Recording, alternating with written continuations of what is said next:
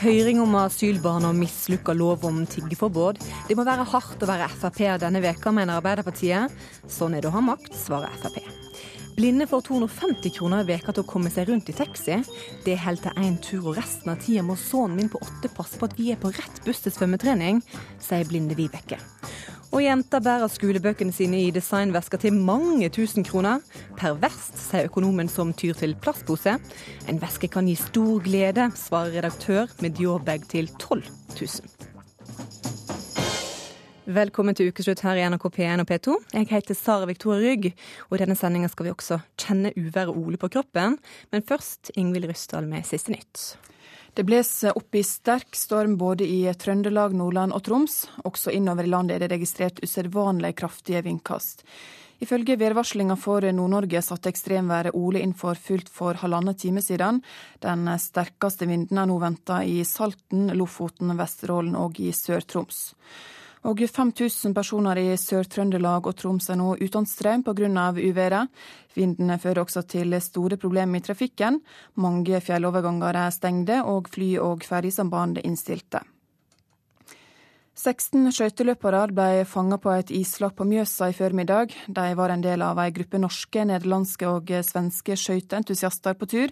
De ble overraska av sprekker i isen ved Gjøvik, og tre av skøyteløperne havna i vannet. Alle er redda i land og i god behold. Ei jente i Moss ble kasta av skolebussen på torsdag fordi hun brukte nikab, det skriver Moss Avis. 18-åringen viste både skolekort og bankkort for å identifisere seg, men ble kasta ut da hun ikke ville vise ansiktet til bussjåføren. Østfold kollektivtrafikk sier til avisa at de tar dette på alvor, og at sjåførene har fått instruks om at kvinner med nikab skal slippe å vise ansiktet sitt. Den anerkjente sørafrikanske forfatteren André Brink er død, 79 år gammel. Det skriver sørafrikanske aviser. Brink skrev flere bøker og skuespill. Han utmerka seg også som ei sterk stemme mot apartheidregimet, særlig på 60- og 70-tallet. Nå holder ukeslutt fram med mer om ekstremværet. Fly og ferger innstilt, veggplater har blåst av husvegger, og politiet ber folk i nord om å holde seg innendørs. Det er ekstremværet Ole som skaper trøbbel, og i Nordland forbereder seg på at det er et av det verste uværet i mannsminnet de skal oppleve. Reporter Nils Meren, du er med oss fra Harstad. Hvordan merker dere at det er en orkan på vei? Ja, det har vært kraftig vind her inntil ganske nøyaktig nå. Nå er vi så å si i, midt i lavtrykket. Jeg kunne nettopp se en blå himmel her oppe. Det er stille før stormen Ole setter inn. Det har vært uh, sørvestlig vind. Nå er den i ferd med å dreie på nord. Det betyr at det blir kraftig press på havna i Harstad. Hurtigbåtene her er flytta til andre sikre steder, for trafikken den går altså ikke. For at ikke de skal eh, slå mot kaiene. Sivilforsvaret har satt alle sine mannskaper i beredskap om noe skulle skje i denne regionen. Folk de forbereder seg på uværet som nå kommer til å slå inn om uh, kort tid. De har kjøpt telys, og de Ja, nyordet her det er stormkos. Man eh, sitter inne og venter på det som kommer. Det er uvanlig stille med trafikken i byen. Og eh, ja, vi eh, bare gruer oss, gruer oss til det som kan komme. Reporter Bent Tommy Eriksen, er det stormkos i en Bø i Vesterålen òg, eller? Ja da, for de som elsker storm, som jeg gjør, så er det her en fantastisk opplevelse. Det er mange sammen med meg som er ute og kikker på, på været her. og eh, Været slo inn nå for om en ca. fem-ti minutter siden skikkelig her. Så det er sånn at jeg tør ikke gå ut av bilen. Hvordan har han forberedt seg på å ta imot uh, Ole? Nei, altså Det virker som at uh, folk her har, uh, har tatt uh, forholdsregler her. altså. Jeg ser ingenting som kommer flygende og sånt. Folk holder seg stort sett innomhus, foruten de som uh, har lyst til å se på det. og Det er en del bekymra båtfolk som ser og kikker etter båtene sine, og sånt, men uh, det virker som at alt går bra her. det er sånn. I Lofoten så har de forberedt seg med å bolte fast robuene med kjetting. Ordfører i Røst kommune Tore Arne Andreassen. Hvor ille er det hvor ille er været hos deg i dag? Ja, Akkurat nå så er det, det er ganske ille. Han, er, han, går i sånne kraftige snøerlinger her ute nå, og da er han, da er han bra sterk, ja. Jeg er akkurat ute og, ute og kjører for øyeblikket og ser på været, som mange andre her ute også er. Så det er jo det er litt fascinerende. ja. Men folk er ute og ser på, bør ikke de holde seg inne og, og være trygge? Nei, men vi har, vi har hatt sånn her ved før på Røst, så, så vi, er, vi, er, godt forberedt. Så det her kan vi, men det er litt artig å ut og se. Og du har, dra... har på kroppen. Du har dratt båten på land i dag?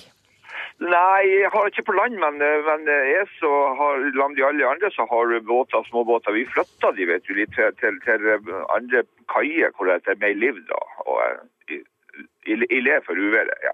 Du får kose deg ute med, med, med uværet. da. I, I, Bodø så har eh, veggplater blåst av hotellet i byen, og, og folk har fått beskjed om å holde seg innendørs. Reporter Adrian Dahl Johansen, eh, hvordan går det der du er? Ja, Hvis det var stille før stormen i Harstad, så er stormen kommet for fullt til Bodø akkurat nå. Her jeg står ute midt i Bodø sentrum. Det er helt, helt kvitt rundt meg her jeg står. Og jeg må støtte meg inn til en stor varebil for å hele tatt klare å holde meg på føttene. Eh, det er løsne takplater, som de sier, fra hotell. Det er fjøser i Vesterålen eh, som allerede er blitt knust. Og det vil eh, overraske meg stort om ikke det blir flere ødeleggelser pga. stormen Ole utover de nærmeste timene. Det er først klokka to, tre, fire og utover i ettermiddag at stormen virkelig vil ta tak her i Nordland og Sør-Troms. Du får eh, holde på hatten, Adrian Dahl Johansen, og passe deg på flygende objekter. Eh, takk for at du var med i Ukeslutt. Vi skal eh, holde fram med å prate om vær her i Ukeslutt, for Frp har vært i hardt vær denne veka. Jeg tror vi har fått uh, belyst en, uh, mange viktige spørsmål, og det har vært en uh, god runde i komiteen, syns jeg. Det sa justisminister Anders Anundsen da han møtte prester etter at han var ferdig med høring om asylbarn på Stortinget i går kveld. Men ikke alle var enig i at Frp klarte seg like bra. Åsmund Aukrust, du er stortingsrepresentant for Arbeiderpartiet. Du mener det må være hardt å være Frp denne veka, og det er ikke bare denne saken om asylbarna du viser til? Nei, Frp legger jo bak seg en uke, eller egentlig noen uker, hvor de har hatt veldig mange saker hvor de har møtt stor motstand fra folk. Det har vært i saken om asylbarna, det har vært saken om tigging, vi har sett det i spørsmål om arbeidsmiljølov. Eh, I sak etter sak så får de folk mot seg. Jeg synes jo at Fremskrittspartiet da veldig ofte skylder på andre. I asylsaken har de skyldt på politiet, i tiggesaken skyldte de til dels på Senterpartiet istedenfor å faktisk ta ansvar. Eh, Fremskrittspartiet går litt inn i en offerrolle hvor det er alle andre sin skyld, men Fremskrittspartiet er ikke et offer. Det er det partiet som styrer landet. De sitter i regjering, de lager budsjettene våre, de styrer rettsvesenet vårt, de styrer arbeidslivet. Da må de tåle å bli møtt med kritikk når folk er uenig. Stortingsrepresentant for Frp, Mazyar Keshvari. Du tåler kritikk, du? Ja, ikke nok med at vi tåler kritikk. Jeg mener at det er en grunnleggende sunnhetstegn ved samfunnet vårt og demokratiet vårt at enhver som har makt, både formelt og uformelt, blir stilt til ansvar, eh, blir eh, gjenstand for gransking, og at man går nøye gjennom hva folk Det har vært eh, noen krevende uker, og, og, jeg mener at det er eh, ekstra viktig at et parti som Fremskrittspartiet, som har vært i opposisjon, og en nokså frittalende opposisjonsparti gjennom 40 år, blir stilt til ansvar. Eh, det skal vi håndtere, og det skal vi tåle. Og som sagt så er det et sunnhetstegn for demokratiet vårt. Men jeg er opptatt av at den kritikken som da kommer, er reelt. Jeg er veldig glad for de eksemplene Arbeiderpartiets representant eh, reiser her, som viser noen av de, eh, disse utfordringene. Eh, når vi ser på høringen eh, som var i går, så kan det ikke betegnes som noe annet enn en gedigen mageplask for eh, opposisjonen. For realiteten i saken er noe helt annet enn det man har fått, klart å fremstille. Når det gjelder tiggersaken, så er det helt naturlig at det er ulike synspunkter der. Men når man klarer å fremstille det som at det høringsutkastet som nå er trukket tilbake, eh, ønsket å, å kriminalisere nærmest det å gi folk en kopp kaffe på gata eller fengsle folk inntil et år, sånn som noen av eksemplene har vært, så blir det absurd og det blir for dumt. Misforstår dere Frp med vilje, Krust? Nei, vi tar dem på alvor. Vi går gjennom hva de faktisk er de foreslår. Og la oss ta tiggesak som et eksempel det tror de reiv i oss når vi så hva som faktisk var foreslått, at både det skulle bli ulovlig å be om hjelp, det skulle bli ulovlig å tigge, og det skulle bli ulovlig å hjelpe den som gjorde det. Da så vi eksempler med folk som la tiggere overnatte hos seg eh, i barmhjertighet og solidaritet, som ga dem mat. Og da sier altså ikke Arbeiderpartiet, men landets fremste jurister sier at dette kan bli ulovlig med Fremskrittspartiets forslag. Og det er jo heller ikke bare juristene som sier det, også høyrepolitikerne sier det. Det var flere stortingsrepresentanter for Høyre som var ute og sa, Linda Helleland bl.a., og Frank Bakke-Jensen, som sa at dette er dårlig håndverk fra, eh, fra statsråden. Dette var politikk de var uenig i, men det er den politikken som er foreslått, og da må Fremskrittspartiet enten ta ansvaret for det, eller så må de si at de har gjort en feil og trekke det tilbake. Vi tar ansvaret for det, og det er det her vi er i kjernen av det. Nemlig at de eksemplene om at folk kan gi tiggere eller hvem som helst husly skulle bli straffbart, det er ikke sant. Det står i høringsutkastet svart på hvitt at det å gi husly, det å skulle være behjelpelig, på ingen som helst måte skulle bli straffbart. Det man ønsket å gjøre straffbart, det var de som eh, la til rette for det. Altså den organisert kriminalitetsbiten, der noe av det er allerede straffbart i dag. Og det er den sporet man skulle se på. Så det er det jeg sier, at kritikk er sunt, det er godt, men det må foregå på en eh, redelig og skikkelig eh, måte. Og det er det ikke når man fremstiller det å skulle gi folk en kopp kaffe som kriminelt. Ja, Maler ikke du fanden på veggen når du, når, du, når du, drar det forslaget så langt? Nei, det er som sagt det er ikke jeg som gjør det. Organisert kriminalitet, det er ulovlig. Det er ulovlig fra før. Det trenger trenger vi ikke nye lovforbud mot. Der er det bare for justisministeren å følge opp de lovene som allerede finnes. Det vi reagerte på, og som ikke bare vi reagerte på, men som folk flest reagerte på, inkludert folk fra dine egne de, fra regjeringspartiene, var at dette her stred mot noe av det vi er stolte av i Norge. At vi støtter hverandre, at vi har solidaritet med hverandre. Jeg må innrømme, jeg må innrømme La, la meg bare fullføre, Keshvari. fordi at eh, jeg må innrømme at når den saken kom, så ble jeg først så smilte jeg litt og lo litt av hva regjeringa nå foreslo. Og så begynte jeg å lese sakene. Jeg så hva de skrev om Norge i andre aviser i andre land.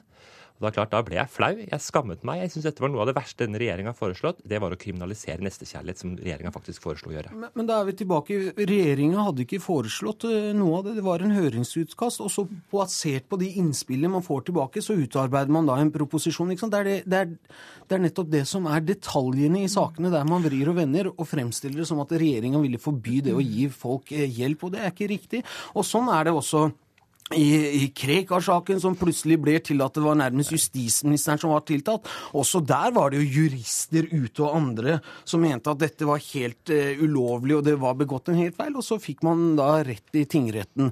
Samme gjelder dette med asylbarna der det har kommet mange detaljer som man vrir og vender og gjør til retorikk. Og jeg syns det er synd. Fordi som jeg startet med innledningsvis, så tror jeg at det er helt nødvendig å ha en sterk, klar og tydelig opposisjon. Det er helt nødvendig med kritikk av folk som har formell makt. Men da må det foregå på en real måte. Jeg si, Det må være tøft å, tøft å være Frp-er for tida. Var det enklere å være Frp-er i, i opposisjon, eller? Nei, jeg vil ikke si det, fordi at Fremskrittspartiet får jo til veldig mye også i posisjon. Og som sagt så har ikke jeg møtt noen i Fremskrittspartiet som verken trodde eller ønsket seg at det skal være lett å ha makt. I et eh, sivilisert, eh, demokratisk rettssamfunn så skal alltid den som har makt, eh, tåle å bli ettergått og kritisert. Ta litt offerrollen, eh, mener jeg, Kruse. Nei, det er ikke riktig i det hele tatt. Altså Enhver som har sett eh, hvordan eh, justisministeren har opptrådt, og hvordan andre Fremskrittspartifolk har opptrådt, så er det ikke noe eh, offerrolle at man bruker sin ytringsrett og tar til motmæle mot det som man mener er eh, altså objektive faktafeil i fremstillinger. Det er jo ikke det samme som å være offer. Ja, Vi ser jo nå hvordan Fremskrittspartiet møter seg selv i døra i sak etter sak. La oss ta mulla Krekar som et eksempel. saken. Der skrev Siv Jensen, sa hun, at uh, siden han ikke satt i, satt i fengsel uh, for fire år siden, så måtte han ha, politi hadde en politisk vern av Jens Stoltenberg. Nå sitter hun sjøl som uh, finansminister, nummer to i Norge, med det samme resultatet. Og da er, hører vi en helt annen tone fra Fremskrittspartiet. Og så ser vi til slutt, må jeg bare si at vi ser hvordan Fremskrittspartiet dobbeltkommuniserer. Jeg vil si at regjering er ikke noe man sitter litt i. Enten så får man ta ansvar, eller så gjør man ikke det. Det er klart Når Siv Jensen står på Stortingets talerstol og sier at henne er for menneskerettighetene, så går hun ut i vandrehallen og sier det motsatte. Ja, da er det en dobbeltkommunikasjon som vi ikke kan tillate at statsråden Norge bedriver på. Vi tar fullt ansvar, og vi er fullt ut med i regjering. Poenget er bare at i den saken så kom det fram at Arbeiderpartiets politikere hadde tatt til orde for nøyaktig det samme, og det skulle gå 13 år før de demonterte det. Men igjen så, snakker du om andre, til, til, igjen snakker du om andre partier. Ja, vi snakker nei, om i dag, altså, vi, snakker vi snakker om dagens om, debatter. Ja, ja, vi... Er, tar Siv Jensen, står hun innenfor menneskerettighetene eller ikke? For, for oss så høres det ut som hun gjør én ting på jobb, og så gjør hun en annen ting på fritida. Sånn fungerer ikke å sitte i regjering. Også er realiteten er at Fremskrittspartiet har i forhold til når Arbeiderpartiet satt i, i regjering. Kurs, er det litt deilig å kunne være opposisjonspartiet som kan ta Frp litt etter å ha blitt tatt eh, så mange ganger Frp? Nei, altså jeg syns jo ikke det er å være i opposisjon til Frp. fordi at Jeg syns jo det er ganske trist, egentlig. Fordi vi ser på så mange områder hvordan sak etter sak blir tapt på avgjørende standpunkter. Vi ser det nå i, arbeidsliv, vi ser det i arbeidslivet, hvor Fremskrittspartiet nå har mobilisert til den største politiske streiken i norsk historie. Hvor altså eh, alle de store fagforeningene var ute og demonstrerte mot Fremskrittspartiet. Det er ikke opposisjonen som maler fanden på veggen. Det er det folk flest som gjør. Det så vi i reservasjonssaken, vi ser det i arbeidsmiljøet, vi har sett det i bondeoppgjør, vi ser det i sak etter sak. Ja, og Resultatet av bondeoppgjøret er at det blomstrer i landbruket. Når det kommer til arbeidslivspolitikken, så er det noe av det samme. Man fremstiller det som at nå må man jobbe flere søndager, nå blir det mer overtid. Og så er rammene akkurat det samme, med mer fleksibilitet innad i eh, det systemet vi allerede har. Og så syns jo jeg at det er veldig deilig å ha eh, Arbeiderpartiet i opposisjon til Fremskrittspartiet. Og forhåpentligvis så blir det værende sånn i mange, mange år fremover. Takk til deg, eh, Mats Jakashwari, og takk til deg, Åsmund Aukrust. oh my god. Om litt til ukeslutt får du høre hva Shabana Rehman ler av, men først Nico Vince med 'When the Day Comes'.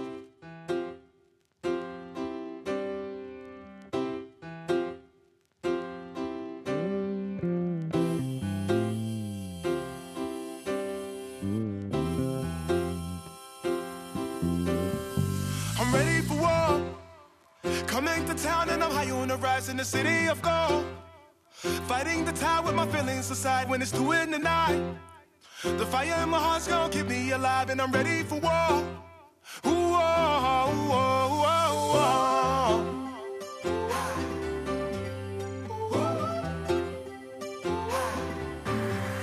The voice in my head, hey, is telling me that I should stay in my bed cause it's two in the night. Why can't I sleep when it's two in the night? Cause the fire in my soul, my soul got me ready to fight and I'm ready for war. Ooh, oh, ooh, oh, oh, oh. Climbed the streets and I found my way over. You know I've been so lost in translation, like I'm fighting for truce in Babylon, trying to find my peace in the zone of war. Even when the day comes, even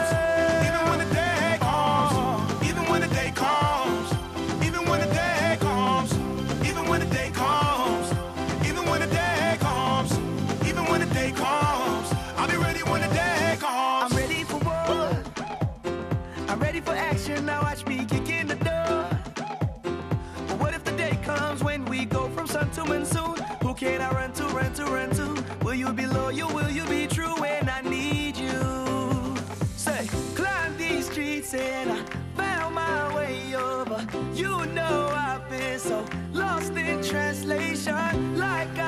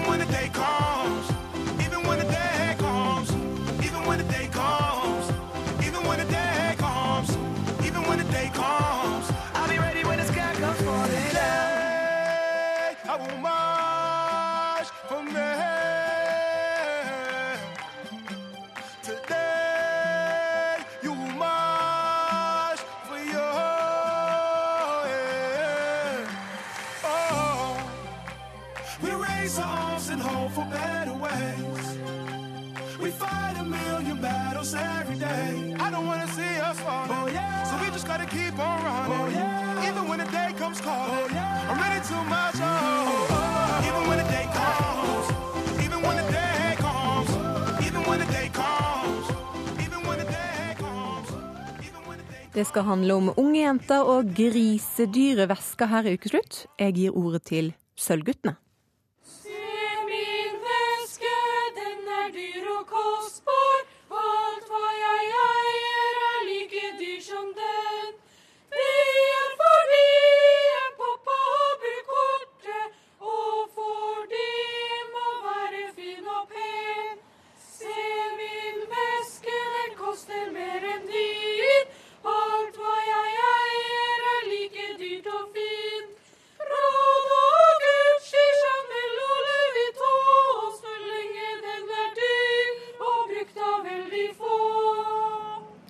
Takk til Sølvguttene som sangreporter Eivind Våge sin e- egenkomponerte veskelåt for oss her i Ukeslutt. Jenta med grisedyrvesker' har altså skapt debatt denne veka. NRK fortalte om videregående elever i Sandefjord som ikke ville sette veskene sine utenfor butikken når de skulle handle i storfri, fordi de var så redde for at de skulle bli stjålet. Veskene deres koster rundt 9000 kroner. Ingeborg Heldal, redaktør for Side 2, hva koster veska di? Min veske, som er eh, et prakteksemplar av en Dior-veske i plommefarga lakkskinn, den kosta 12 000. Og Kristian Vennerød, økonom og programleder Luksusfellen på TV3. Hva koster veska di? Ja, altså nå har jeg liksom ikke sånn veske. Men jeg, eh, hvis jeg skal ha med dokumenter, så bruker jeg gjerne to ting. Enten så bruker jeg en plastpose fra Ica, eller så bruker jeg en sekk som jeg fikk av min kone for elleve år siden, da hennes organisasjon drev litt propaganda. Så enten gratis gratis eller Ja, begge gratis, egentlig. Ca. én krone, da. Ja. Vi spurte folk på gata hva deres væske kosta. Du, jeg lurer på hva vesken din koster. Eh, 600 kroner. Den koster Det er lenge siden jeg har kjøpt den, men den kosta 1100-1200 kroner. Um, koster 2000 et eller annet. Hva er drømmevesken din? da? Celine. Og den koster? Rundt 20 20 000. Kristian Vennerød, dame her ønsker seg en veske til ca. 20 000 kroner. Skolejentene har vesker til ca. 10 000. Som økonom, hva sier du til det? Altså, Folk må få lov til å søle bort pengene sine på hva de vil, så lenge de er, det er deres penger. Og de har kjøp, kjøpt, eh, kjøper dem eh, fordi det er det de absolutt vil ha. Men man må jo si at dette er en form for perversjon. eh, og ikke noe særlig eh, fornuftig sett fra et økonomisk synspunkt. da. Hvorfor ikke? Eh, Nei, altså man, eh, man kan jo spørre seg selv hva er det egentlig man skal bruke penger på her eh, i verden. Og eh, da burde man jo egentlig bruke penger på det som eh, utvikler en selv som eh, menneske på en eller annen måte. Ingeborg Heldal. er det utviklende med en grisedyrveske på armen? Nei, det er nok ikke utviklende med en grisedyr eh, på, på armen, men det kan gi utrolig stor glede.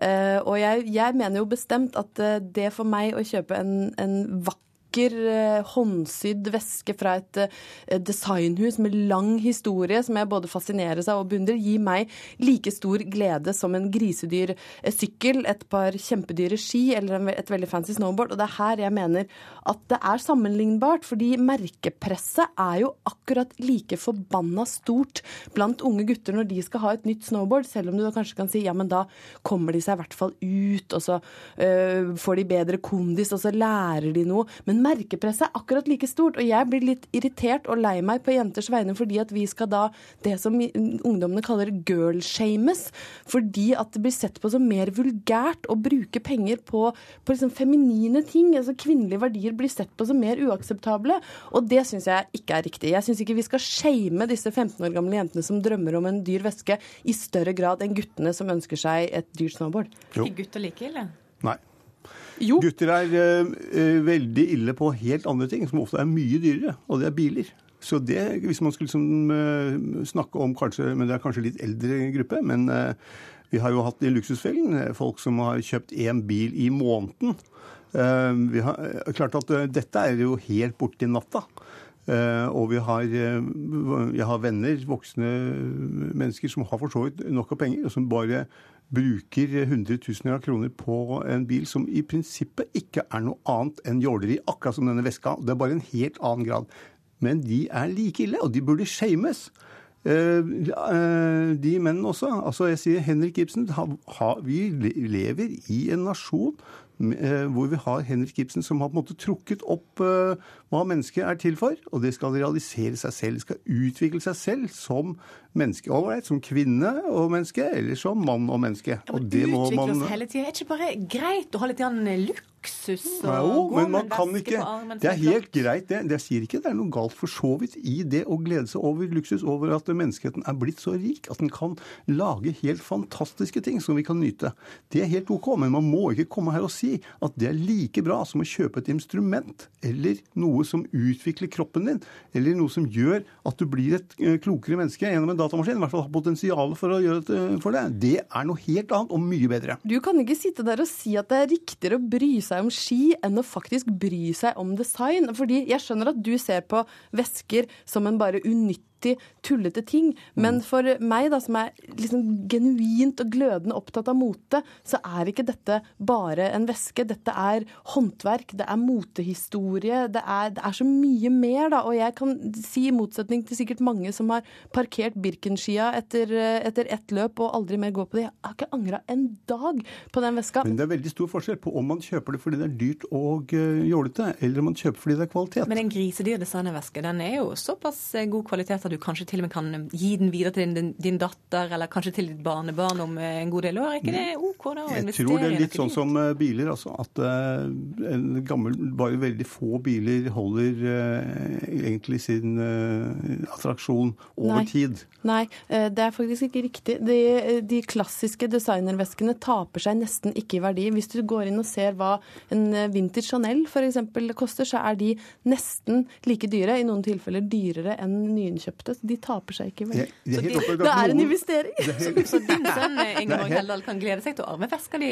Altså, dette, jeg har jo som sagt en sønn, men min kommende svigerdatter skal få lov til å arve. Men det blir selvfølgelig etter min død, for jeg kommer til å knuge på det fram til da.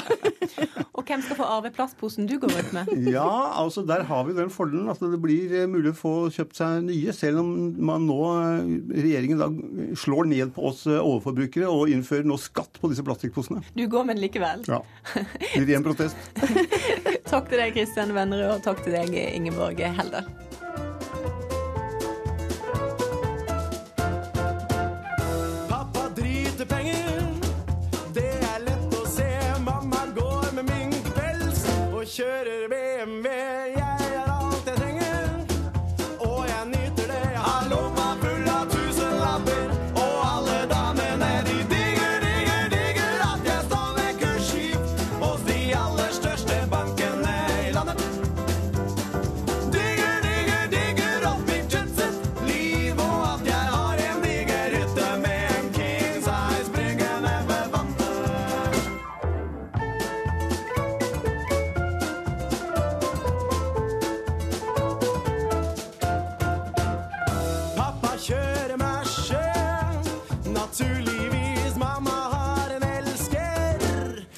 Gammel gris. Alle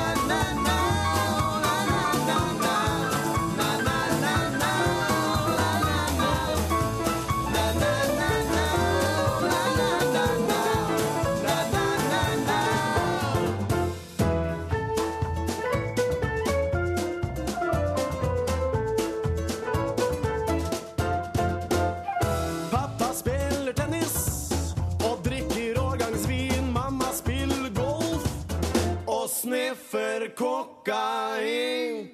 Jeg har vondt i huet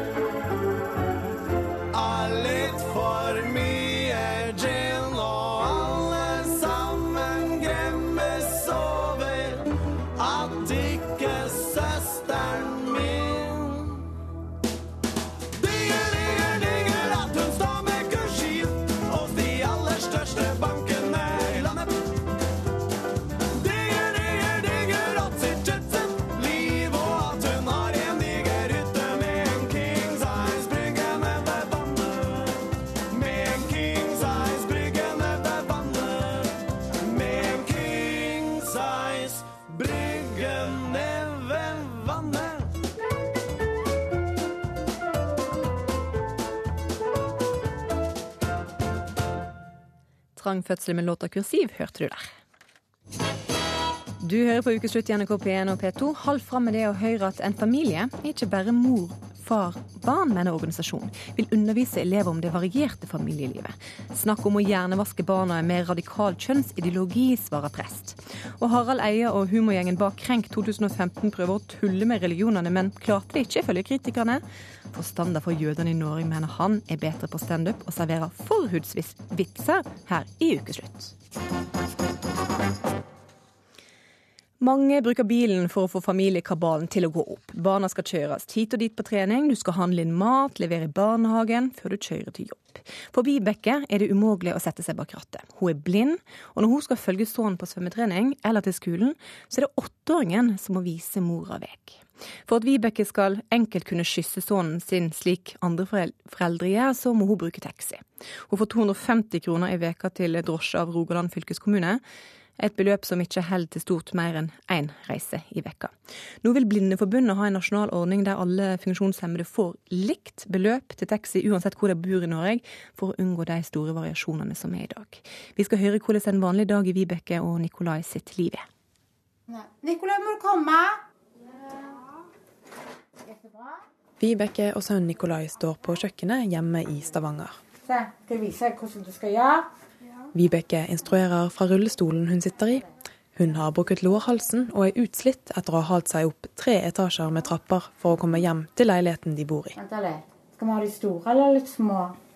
Nikolai får kanskje litt andre arbeidsoppgaver enn åtteåringer flest.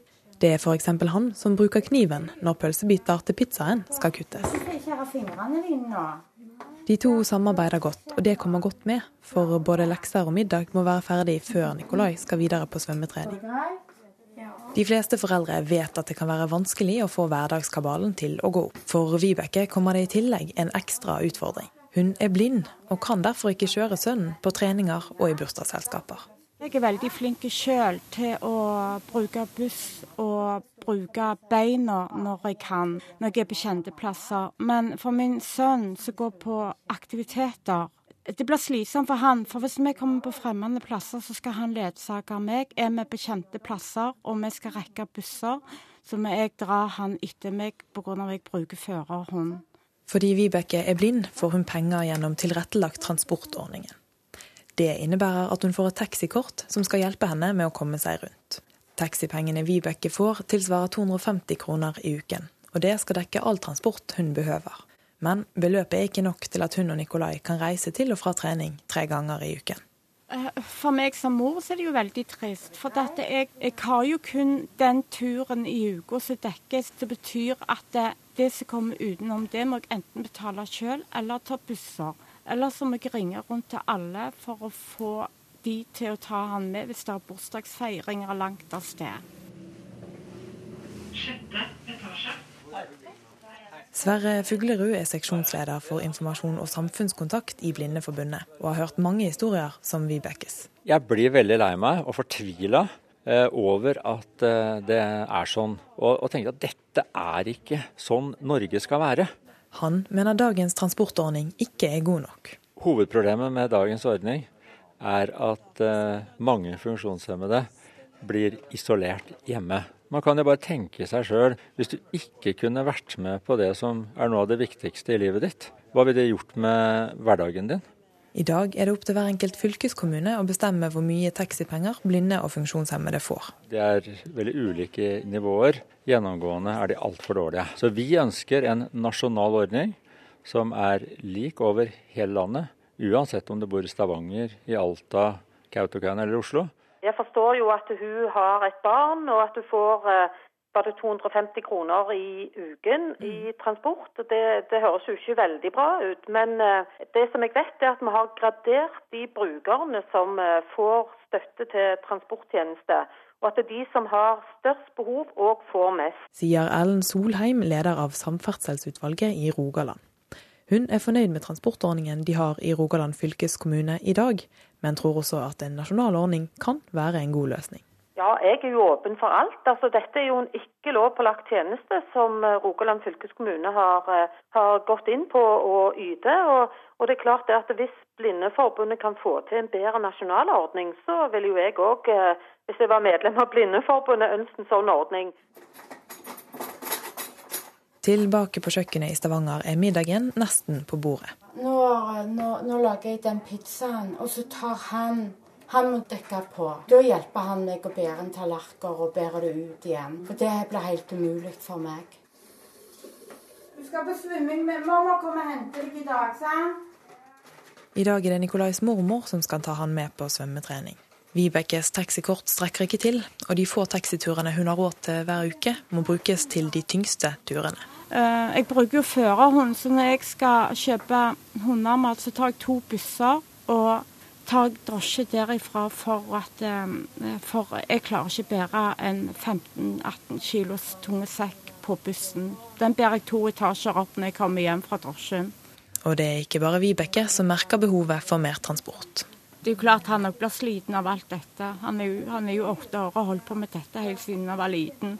Han sier til, sier til meg at eh, han skulle ønske at ikke jeg var blind, for da kunne jeg kjøre bil.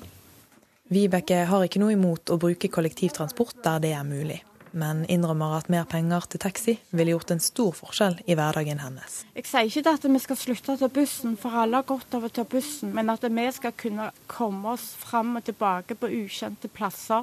At jeg skal slippe å få min sønn til å finne alle bussene og alle plassene vi må gå av, og at han skal få lov å være et barn.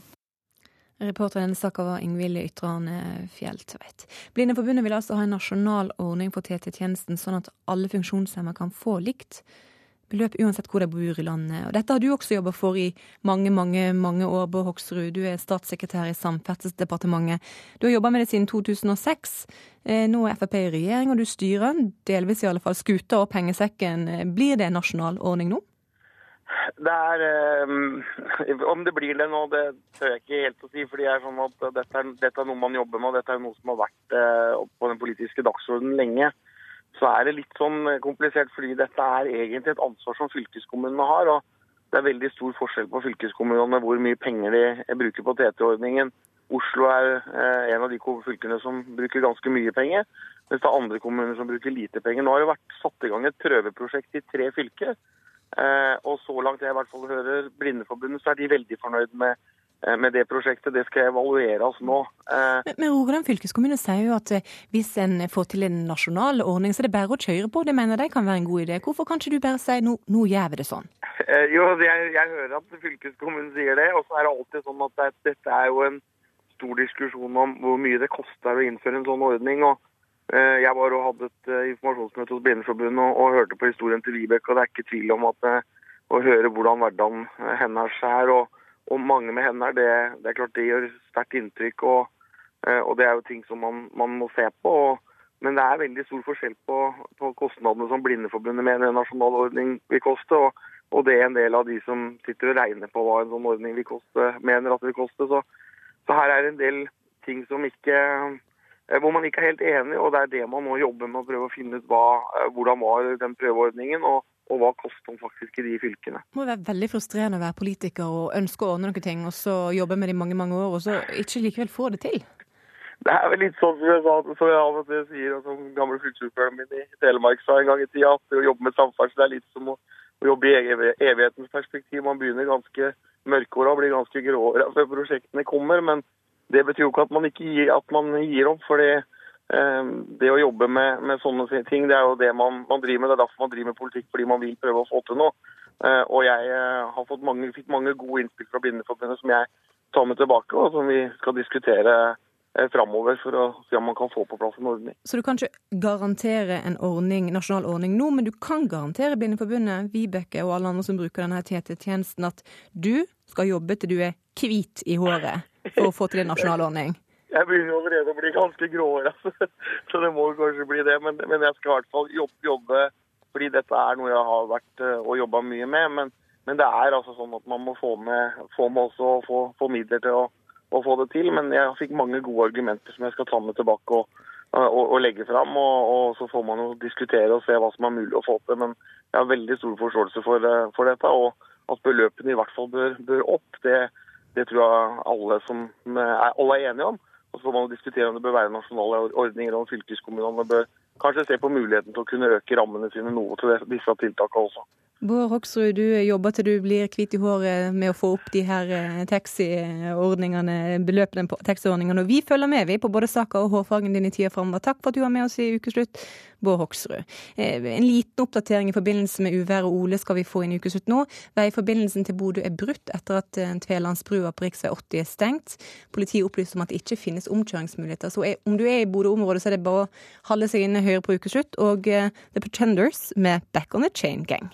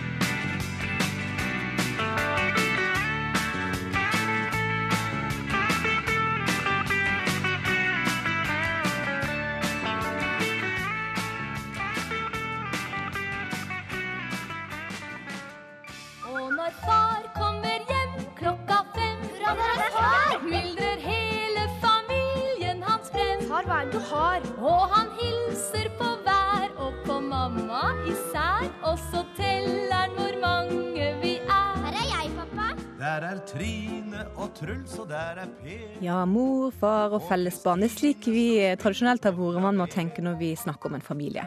Men i en landsomfattende kampanje i grunnskolen denne veka, så har elever lært at en vanlig familie vel så gjerne kan bestå av far og far og barn, som mor, far og barn. Dette mener du det er feil å undervise om i skolen, eh, Øyvind Benestad. Du er daglig leder eh, av stiftelsen Mor, far, barn. Hvorfor er det det? Nei, altså Det er jo ikke feil å undervise om det, men det kommer både an på alderstrinnet, det kommer an på måten det gjøres på. Det kommer an på kontakten med foreldre, at dette er samspill også med hjem og foreldre. For det er mange som fortsatt mener faktisk at relasjonen mellom mor, far og barn er unik, og at en familie sånn naturlig sett er mellom mor, far og barn. Og så er det mange varianter og mange unntak. Men det, den etiske relativismen som nå preger både barnehage og skole og hele samfunnet mer og mer, den setter jeg et stort spørsmålstegn ved. Fordi man tar ikke på alvor at alle mennesker har faktisk en mor og far. Og det med planlagt farløshet og planlagt morløshet som hele den kjønnsnøytrale ideologien bygger på, den er jeg veldig skeptisk til, og mener ikke skal sidestilles med mor-far-barn-relasjonen. For det er faktisk noe som står i en særstilling. Det er en unik relasjon.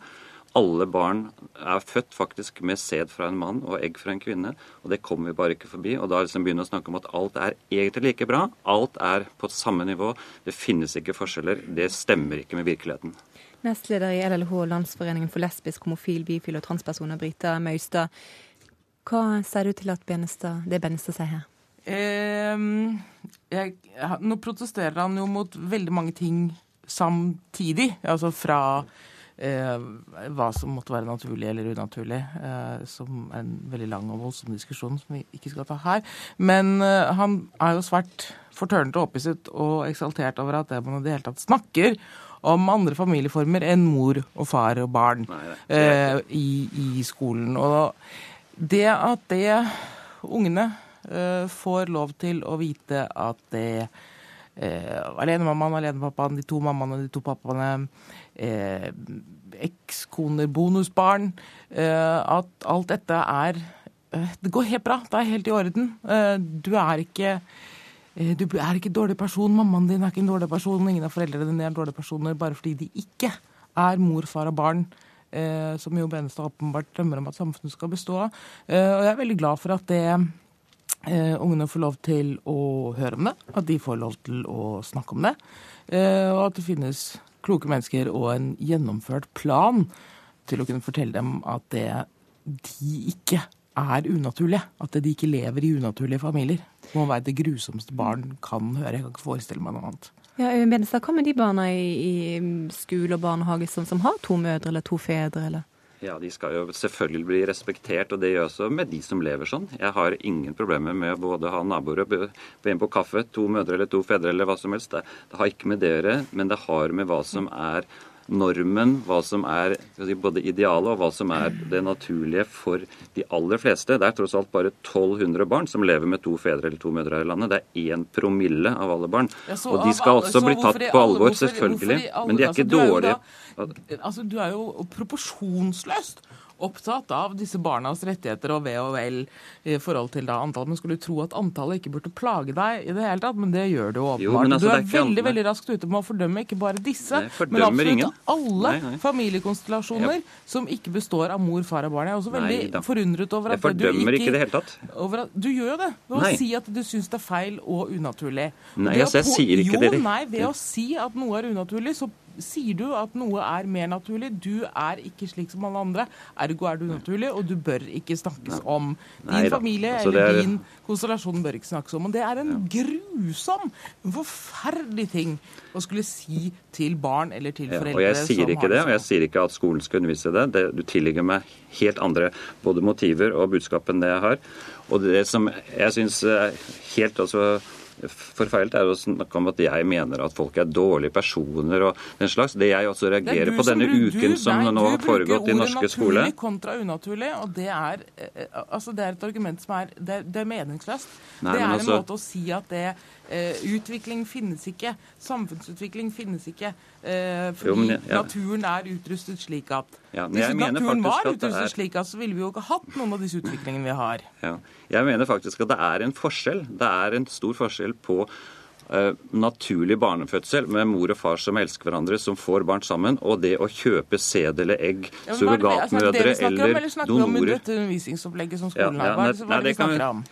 Og der mener jeg at En av de grunnene til at jeg reagerer på det som har vært denne uken, det er jo nettopp at det er organisasjonen Sex og politikk, som er en radikal kjønnsideologisk bevegelse av organisasjon som får fritt inntog i alle skoler i Norge som er åpne for det, og hvor de som står for den radikale kjønnsideologien, skal undervise våre barn og barnebarn. Og da mener jeg at norske foreldre også bør være aktive, spørre om ukeplanene, snakke med lærerne, være orientert om hva egentlig barna blir utsatt for. For det er helt annet om lærere og lærebøker er pensum, enn at det kommer inn sånne aktivistorganisasjoner som skal overta undervisningen for for disse Organisasjonen Sex og politikk er ikke til stede her, men LLH driver jo òg undervisning i skolen om, om eh, det å være eh, flere typer eh, Familie, ja, Mm. gjennom, men, men hvorfor, eh, hvorfor er det viktig å ha det inne i skolen? Hvorfor kan ikke foreldre snakke med barna sine om, om de forskjellige eh, formene? Mm, det er jo ikke sikkert at det faller foreldrene inn. eh, At de ikke tenker at det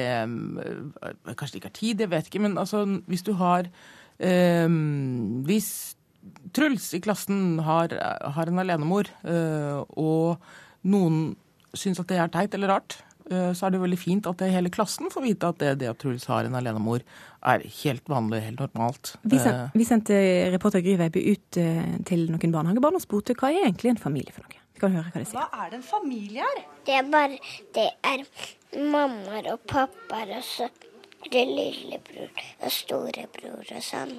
Og så tenkte jeg faktisk at det er noen i menneskefamilie som bestefedre. Altså storesøstre, lillebror, lillesøster, Og så stor... Og så og storebrorer som elefanter og katter og hunder. Pappa, lillesøster, storebror og mamma. Morfar, eh, barn, lillesøster, storbror, elefant eh, var det en som mente skulle være en del av familien. Øyvind Benestad, hva frykter du kan skje dersom de barna her får beskjed om at det finnes andre typer former for familie? Det får de jo beskjed om, det vet de sikkert. Det jo, har jo vært mange som er skilsmissebarn nå i årrekker. 10 000 nye barn hvert år som opplever skilsmisse. Og det er jo mange forskjellige situasjoner. Det har det jo alltid vært. Så det er jo ikke sånn at ikke barn vet om det og ikke skal få vite om det heller på skolen. Veldig gjerne. Men det er jo sammenhengen og det er formen og det er de som står bak. Og det er også hvordan det blir presentert. Er dette her like greit og like bra som en samfunnsnorm at eh, både det som LLH står for, og med hele den kjønnsnøytrale ideologien, eller er det faktisk noe som er bærekraftig på sikt, som bør være det, det normerende. Men det er selvfølgelig med full respekt for alle som velger annerledes. Men her er det ikke voksenperspektivet som bør dominere, det er faktisk barneperspektivet. Eh, jeg tenker at eh, de som eh, måtte høre på dette, kanskje tror at de har slått på eh, radioen og hører et opptak fra uh, et- arkivet fra 50 år tilbake, men de gjør altså ikke det. Vi kan jo si i hvert fall at det ting går fremover siden Landsforeningen for lesbiske, homofile, transpersoner og bifile er den som da sitter og forsvarer det som er normalt. Takk til deg, Brita Møystad, og takk til deg, Øyvind Benestad.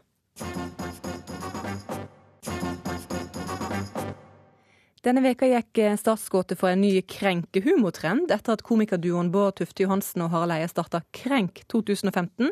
Men kritikerne mener at duoen bomma og ikke var så veldig artige. Og de forklarer det med manglende kunnskap om religion. En av de som mener de kunne være bedre, var leder i Mosaisk trossamfunn, Ervin Kohn, som gjerne ville bidra med sine forhudsvitser. Reporter Kari Li tok han på ordet. Så var det de to små guttene på to år som eh, står og tisser sammen på, på sånn potte. Han har tatt NRKs mikrofon og ser skøyeraktig på oss over lesebrillene. Og så ser han ene toåringen på han andre og sier du har ikke sånn, eh, sånn hud over tissen din. Ervin Kohn er forstander for jødene i Norge, men akkurat nå standup-komiker. Nei, sier han. Jeg er omskåret. Å, sier du det. Men når ble du det, da? Ja, Mammaen min sa at jeg ble det da jeg var åtte dager gammel. Var det vondt? Jeg tror det. Kunne ikke gå på et år. Ukeslutt har bedt Shabana Rehman Gaarder vurdere Kohns talent. Du, jeg sier oh my god. altså, Ervin må bare skifte yrke. Han har en levering og utstråling og mikrofonteknikk. He's the man. Og grunnen til at Kohn prøver seg som komiker selv, er at hans humoristiske sans ble noe krenka tidligere denne uka. Mine damer og herrer, Norske komikere skulle vise at de var tøffe nok til å tulle med religion. Eh, Skal dere, noen spør skal dere tulle med islam også. Det er eh, planen. Vi har spurt Per Fugelli om han kan gjøre det. Men når det viser seg at han har ikke så kort tid igjen som det jeg har fått inntrykk av. I et annet nummer tenkte komikerne høyt om å bæsje på hellige skrifter. Hvor morsomt er det? Ervin Kohn ble ikke imponert, og nå vil forstanderen lage sin egen humorkveld. Kohn mener han vet hva som skal til. Og når vi snakker om religioner, så er det viktig at det er kompetanse på religioner og, og religionenes historie. Jeg er ikke for, eh, og jeg sier ikke at det var det Ervin sa, men jeg er ikke for mer misjonering om, om religion. Det er god stemning rundt bordet, men det er ikke alt Shabana er enig i. Jeg syns jo nordmenn har fått eh, eh, overdose av islamkunnskap. Og nå er det jo sånn at Jeg må jo begynne å tulle med publikum, for nå er det jo sånn at hvis en muslim legger seg ned og ber, så blir man prikket på skulderen av en nordmann som, som, som sier at 'hallo, Mekka er ikke der, det er lite grann til høyre'. ikke sant? Så når jeg eh, tuller med sharia, eh, som jeg gjorde i min første forestilling Ski over Grønland i 2003, så ante jo ikke norsk publikum hva sharialover var, så jeg måtte ha en innføring i sharia først, og så kunne vi le av det sammen etterpå. Eh, Men da ante jeg jo ikke at sharia skulle virkelig bli et av de heteste temaene. Året er 2004, og den til da nokså ukjente mulla Krekar liker ikke at Shabana løfter han opp i været. Krekar er ikke aleine om å mislike Shabanas påfunn. Altså, jeg har opplevd eh, å motta alvorlige drapstrusler, å bli, få familierestauranten skutt på og, eh, og trakassert og forfulgt. De hissigste orienterer seg ikke om hva Shabana egentlig har sagt. Jeg gjorde et stunt hvor jeg truet med å ikke brenne Koranen. eh, Som jeg har fått en del trusler fra. Og det var en, en satirisk grep på at en pastor i USA brant Koranen. Noe som førte til at nordmenn ble drept i Afghanistan. Men jeg ble provosert av det. Hvorfor tok du på Koranen? Hvorfor nevnte du Koranen? Og da ble det litt Life of Brian-opplegg, ikke sant? Abu Bakar Hussein sitter i olabukse og hettegenser og ser på gamle klipp fra showet Tabu med Abu. Jeg har ikke sett det her på siden det gikk. I NRK-serien som gikk på nett, har Abu dress og en megahøy Elvis-lugg. Han fleiper med f.eks. æresdrap, Når er det egentlig greit å drepe et uh, familiemedlem? Kvinnelig familiemedlem? La oss si f.eks. nå, hvis søstera di er en hore. I en annen episode, kalt 71 grader bror, blir ei blond jente stemt ut av de flerkulturelle gutta etter at en av dem skal ha voldtatt henne. Så det er mange som ikke skjønner at uh, det er satire jeg driver med. Så de tror han Tabu Mabu med den sveisen er ekte fyr som bare snakker dritt om alle. Men eh, det jeg gjør, er at jeg prøver å snakke dritt til at folk skjønner at det er bare jævlig mye tull. At uh, jeg bare blåser opp fordommene da. Uh, til folk skjønner at det er idiotisk å ha. Det skal være morsomt samtidig du skal få vondt av å le. Så det er, vi, vi har en vanskelig oppgave. De alvorligste truslene kom etter en episode hvor Abu rangerer mennesker. I dag skal vi snakke om hvilken etnisiteter som er mest verdt. Altså, vi vet at hvite mennesker er på toppen der, men vi skal i hvert fall finne ut hvem som er minst verdt i Norge. Det jeg prøvde å si med den sketsjen, var jo at uh, hvordan folk faktisk blir rangert i Norge. Alle innvandrere havnet under hvite menn, hvite kvinner og deres hunder. Men det var norsk-somaliere som ble sinte fordi somaliere ble plassert nederst på rangstigen under sigøynere. Eh, Så det er liksom min måte å fortelle på at det er bare tull. Eh, De skjønte ikke det. Men det, er- det er sånn Facebook-drapstrusler. Jeg tenker den som skal gjøre meg noe, sier ikke fra til meg. Oh my god. Ja, var det bra? Jeg vil ha mer! Ervin Kohns standupshow er over. Hittil har bare noen biter forhud og noen jødiske mammaer blitt tulla med. Men det er jo ingenting i jødisk tradisjon du ikke kan tulle med. ikke sant? Også alt fra Gud og nedover er eh, fritt vilt, for å si det sånn. Hvorfor skal dere ha en egen sånn Krenk 2015? Ja, vi, skal ikke, altså, vi har ikke krenking som en eh, greie spesielt, men, men eh, humor dreier seg ikke først og fremst om krenkelser. Humor dreier seg om å underholde et publikum, enten det er én eller flere i salen, ikke sant? Også her er Shabana Rehman Gaarder uenig. Vi har altfor mye koselig humor og, og, og fredagsgullrekkehumor i, i Norge. Jeg mener at humor i langt større grad skal fornærme. Vi skal fornærme dypt og skarp, skarpt undertrykkede mekanismer. eh, og, og, der religion blir brukt til å undertrykke, eh, der religion blir brukt til å opprettholde eh, kjønnsapartheid. ikke sant? Altså religion som system, ikke folks religiøsitet. Eh, ikke sant? For den kan være hellig og personlig, men, men systemkritikk, der må vi fornærme mye mer. Da er det på tide med en eh, væroppdatering her i ukeslutt, og politiet ber eh, folk i hele Lofoten holde seg inne pga. uværet Ole, statsmeteorolog Øyvind Johansen. Ja, det er ekstremværet Ole vi snakker om. Det er jo deler av Trøndelag, Nordland og Troms. Og varselet gjelder for kraftig vind og høye bølger og høy vannstand langs kysten. Dessuten kraftig vind i fjellet i Sør-Norge. Først litt om temperaturen. I morgen ventes stigende temperatur i Sør-Norge og i Nordland. Ellers lavere. I fjellet i Sør-Norge så er det altså sterk eh, storm mange steder fra nordvest. Det kan være kortvarig orkan på toppene. I morgen ventes litt minkende vind. Det er snøbyger og snøfokk.